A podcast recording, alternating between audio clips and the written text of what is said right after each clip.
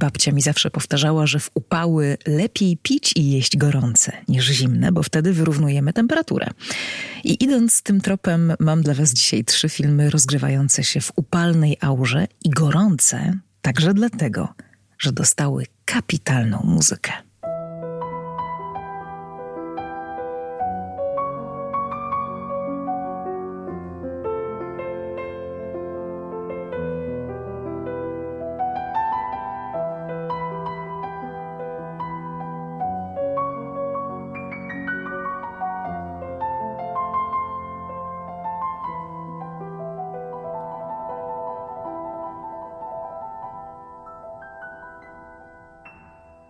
Podcast Score and the City, odcinek 24. W letnim przesileniu, w cieniu 33 stopnie, no i wciąż e, w czerwcu, moim ulubionym miesiącu. Dzięki, że jesteście. Szczególne podziękowania dla Dominika, Kasi, Marty, Eweliny, Grzegorza, Gosi, Emilii i Artura, którzy w ostatnich dniach postawili mi wirtualną kawę na Buy Coffee. Tu to jest taka nowa platforma wsparcia twórców i artystów i podcast Score in the City też tam jest, więc można taką symboliczną kawę postawić za 5, 10 lub 15 zł. Jednorazowo nie trzeba się nigdzie rejestrować, a wsparcie, to już nie muszę chyba mówić, jest duże. Bardzo dziękuję. Można tam też napisać parę słów i gorąco zachęcam do tego, żeby po prostu napisać, o czym chcielibyście posłuchać tutaj w przyszłości.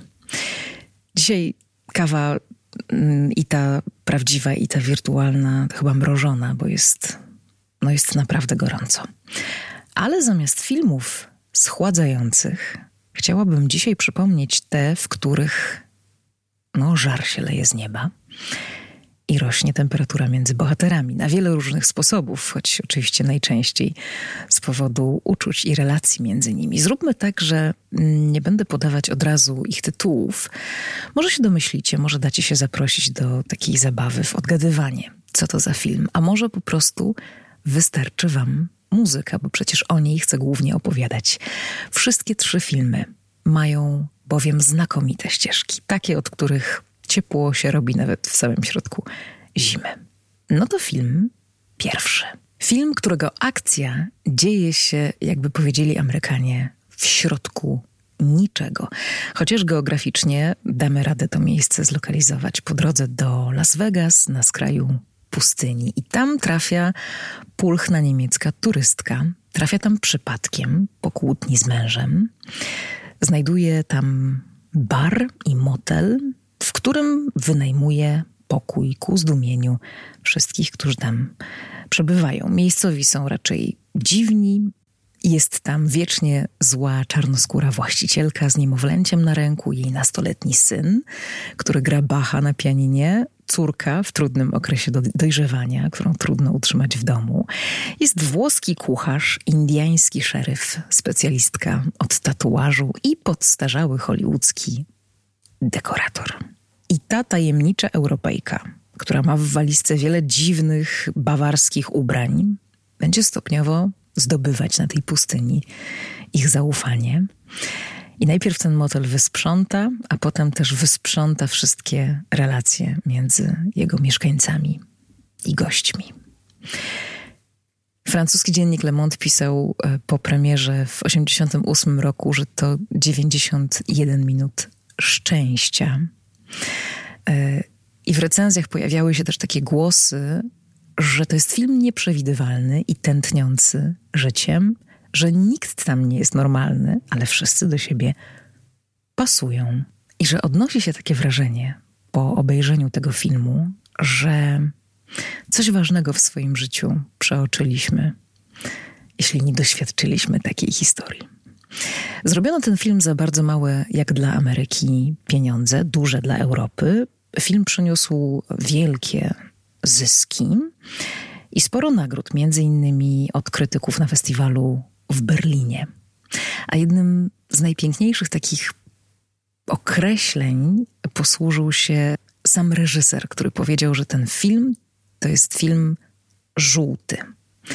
Jak kolor piasku, słońca i ciepła, które jeśli się komuś okaże, to wraca jak bumerang. No i czas na muzykę. Muzykę, która w tym filmie gra ważną rolę. No przede wszystkim ta jedna piosenka, napisana przez Boba Telsona. I była to pierwsza y, taka okazja, aby mógł taką piosenkę napisać, w dodatku w bardzo trudnych warunkach prywatnych, y, takich trudnych po ludzku, a idealnych, jeśli chodzi o komponowanie tęsknej ballady. E, kompozytor wtedy rozstawał się z ówczesną partnerką. On mieszkał w Nowym Jorku, ona w Wiedniu i pewnego dnia po prostu usiadł do pianina, mając w głowie ten pustynny krajobraz, ciszę, gorący wiatr, płaczące dziecko, ekspres do kawy i zaczął grać taki akord trochę na wzór Bacha, potem zmieniał basowy dźwięk, e, no i w ciągu półtorej godziny piosenka mm, i także tekst były gotowe. Codziennie rozmawiał ze swoją dziewczyną przez telefon i jej nie odzyskał, ale zyskał piosenkę. Dodam jeszcze, że ta muzyka była dla tej opowieści tak ważna, że kiedy w 2009 roku musical pod tym samym tytułem wystawił Warszawski Teatr Polonia, to ten spektakl też zachował muzykę Boba Telsona, a polskie teksty piosenek napisali Magdalena Czapińska i Andrzej Poniedzielski. Senna, poetycka bajka dla dorosłych i jeden z najbardziej gorących filmów, jakie znam. Bagdad Cafe. Film drugi. Film drugi, który chwyta koniec pewnej epoki, daje widzom zachwycającą muzykę, no i pozostaje też jedną z tych opowieści, wobec których nie możemy przejść obojętnie, jeśli jesteśmy wrażliwi na ludzkie uczucia, no i na miłość, bo to jest opowieść o miłości przede wszystkim, na tle y, wydarzeń politycznych i społecznych na Kubie w 1958 na początek y, roku. Na Kubę przybywa zawodowy pokerzysta, kobieciarz i chce tam stoczyć grę swojego życia, chce się dobrze bawić, jak setki Amerykanów odwiedzających Kubę w tym czasie. Ale coś idzie nie tak i zamiast tej mm, beztroskiej zabawy zakochuje się e, w żonie słynnego rewolucjonisty. I ona to uczucie odwzajemnia. No oczywiście można się domyślać, że e, ten film nie będzie mieć szczęśliwego finału mm, i prasa od razu zaczęła porównywać go do Casablanki. Ale przede wszystkim jest to, e, tak na dzisiaj, jeden z najbardziej niedocenionych e, filmów e, w historii tych słynnych melodramatów. Muzyka. Muzyka bardzo ważna i bardzo namiętna. Muzyka, którą skomponował Dave Grusin, jeden z tych kompozytorów, wokół których ja nie przejdę obojętnie, nieważne jak bardzo jestem romantyczna. Kompozytor, który y, swój wielki talent y, i taką umiejętność poruszania się pomiędzy stylami pokazywał i w filmach Tutsi, wspaniali bracia Baker, ale i jeszcze przecież bardzo dziki zachód. Natomiast także na estradzie współpracując z Retą Franklin, Sarą Vaughan czy Melem Tormé. I muzykę do tego filmu napisał w tym głównym temacie już tak, że taki niepokojący wstęp na smyczki przeradza się potem w barwny, taneczny utwór, jakiego naprawdę nie powstydziłyby się najlepsze kluby Hawany. I ja pamiętam, jakie wrażenie ten film na mnie zrobił w połączeniu z tą muzyką. Na mnie młodej, wierzącej, że jeśli dwoje osób łączy tak silne uczucie, to nie ma takiej rzeczy na świecie i takiej osoby, która mi mogła przeszkodzić. No i Robert Redford, oczywiście w jednym ze swoich najbardziej przystojnych e, i najbardziej charyzmatycznych wcieleń. Ta muzyka tutaj jest bardzo gęsta, brzmi w kluczowych scenach niemal ciągle, jest rzeczywiście namiętna. Zyskała nominację do Oscara i wystarczy mi, kiedy rzucę okiem na plakat i od razu tę muzykę słyszę. Ona tak wchodzi pod skórę i powoduje takie ściśnięcie w żołądku, kiedy myślę sobie o tej historii e, i o tym filmie i o tym Robercie Redfordzie mm, na lotnisku w ostatniej scenie. Pamiętacie? Hawanę? Film trzeci, które mogę oglądać bez końca. I kocham w tym filmie chyba najbardziej jego operowość. Zarówno w warstwie muzycznej, jak i w warstwie wizualnej. On jest utkany z różnych drobiazgów. Zresztą zrobił ten film człowiek, który w operze pracował nieraz przedwcześnie zmarły Antony Miguela i który miał właśnie takie oko i ucho do detali, ale są też powody bardziej banalne.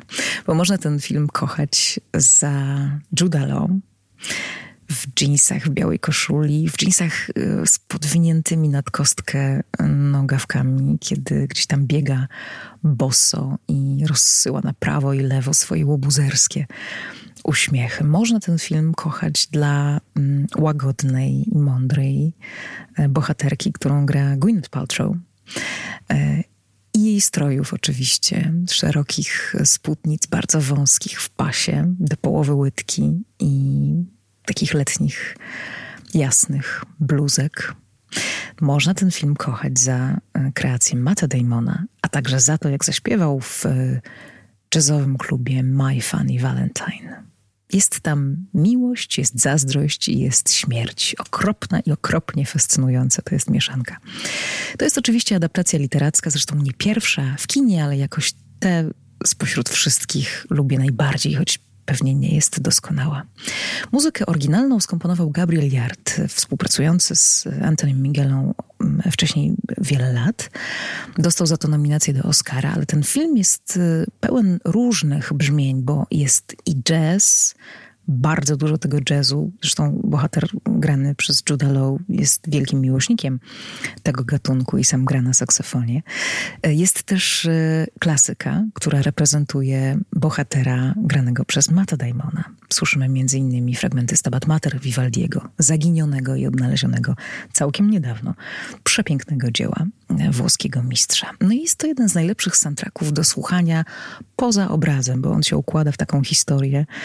E, są włoskie przeboje i to wszystko gdzieś tam jeszcze wypełnia właśnie to, co napisał um, Gabriel Jaret. Gdy chce się bez konsekwencji zamordowania kogoś albo e, nieszczęśliwej miłości przenieść na włoską prowincję, to włączam sobie tę muzykę. Ścieżka nie jest może jakoś specjalnie nowatorska, ta oryginalna, nie zaskakująca, ale ma tę atmosferę, która bardzo budzi wyobraźnię i niepokoi, jak w rasowym thrillerze mm, powinno być.